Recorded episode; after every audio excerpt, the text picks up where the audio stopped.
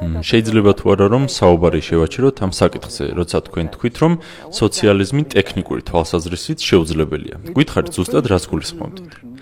სოციალიზმი გვთავაზობს გამოსავალს, რომელიც სინამდვილეში არაა გამოსავალი.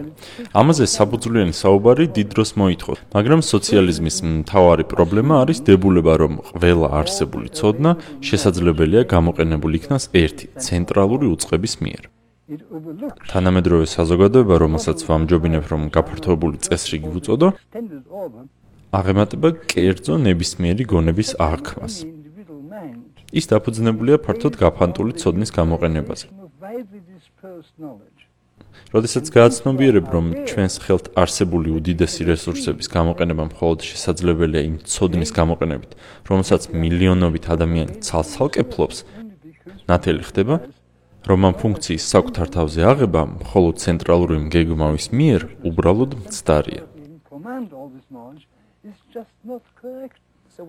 ესე იგი თქვენ მემარცხენეებს მათსავე დებულებას უპირისპირებთ. მათი თქმით, თანამედროვე საზოგადოების რთული პრობლემების გადაჭრისთვის საჭიროა დაგეგმვა. თქვენ კი ამბობთ, იმიტომ რომ თანამედროვე საზოგადოება ასეთი კომპლექსურია, დაგეგმვა შეუძლებელი ხდება. ჩემი აზრის საუკეთესო ჩამოყალიბებისთვის საჭიროა ითქვას, რომ საჭიროა ითქვას, რომ სოციალიზმი ეწინააღმდეგება პროდუქციის წარმოებას სარგებლისათვის და არა მისი გამოყენებისათვის. მაგრამ სარგებელი ისაა, რაც გაფართოებული საზოგადოების არსებობას შესაძლებელს ხდის. პროდუქტების წარმოება მათი გამოყენებისთვის მხოლოდ ისეთ საზოგადოებაშია შესაძლებელი, სადაც ჩვენ ვიცით ყველა ფაქტი.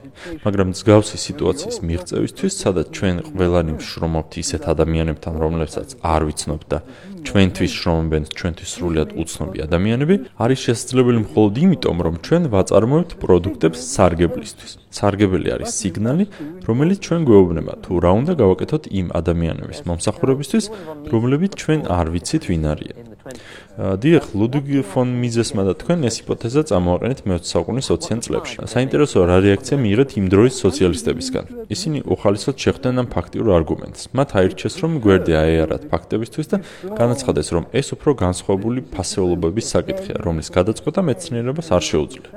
როგორც კი მიიღებთ იმ სოციალისტურ ღირებულებას, რომ ჩვენ მხოლოდ სამართლიანი გადანაწილების კონცეფციით უნდა ვიხელმძღვანელოთ, ყველა ფაქტიური არგუმენტი შეუსაბამო ხდება. რა თქმა უნდა, ყველა ობიექტური არგუმენტი მოწმობს, რომ სამართლიანი გადანაწილება შეუძლებელია, გარდა იმ შემთხვევებისა, როდესაც გადამანაწილებელმა იცის ყველა ფაქტი.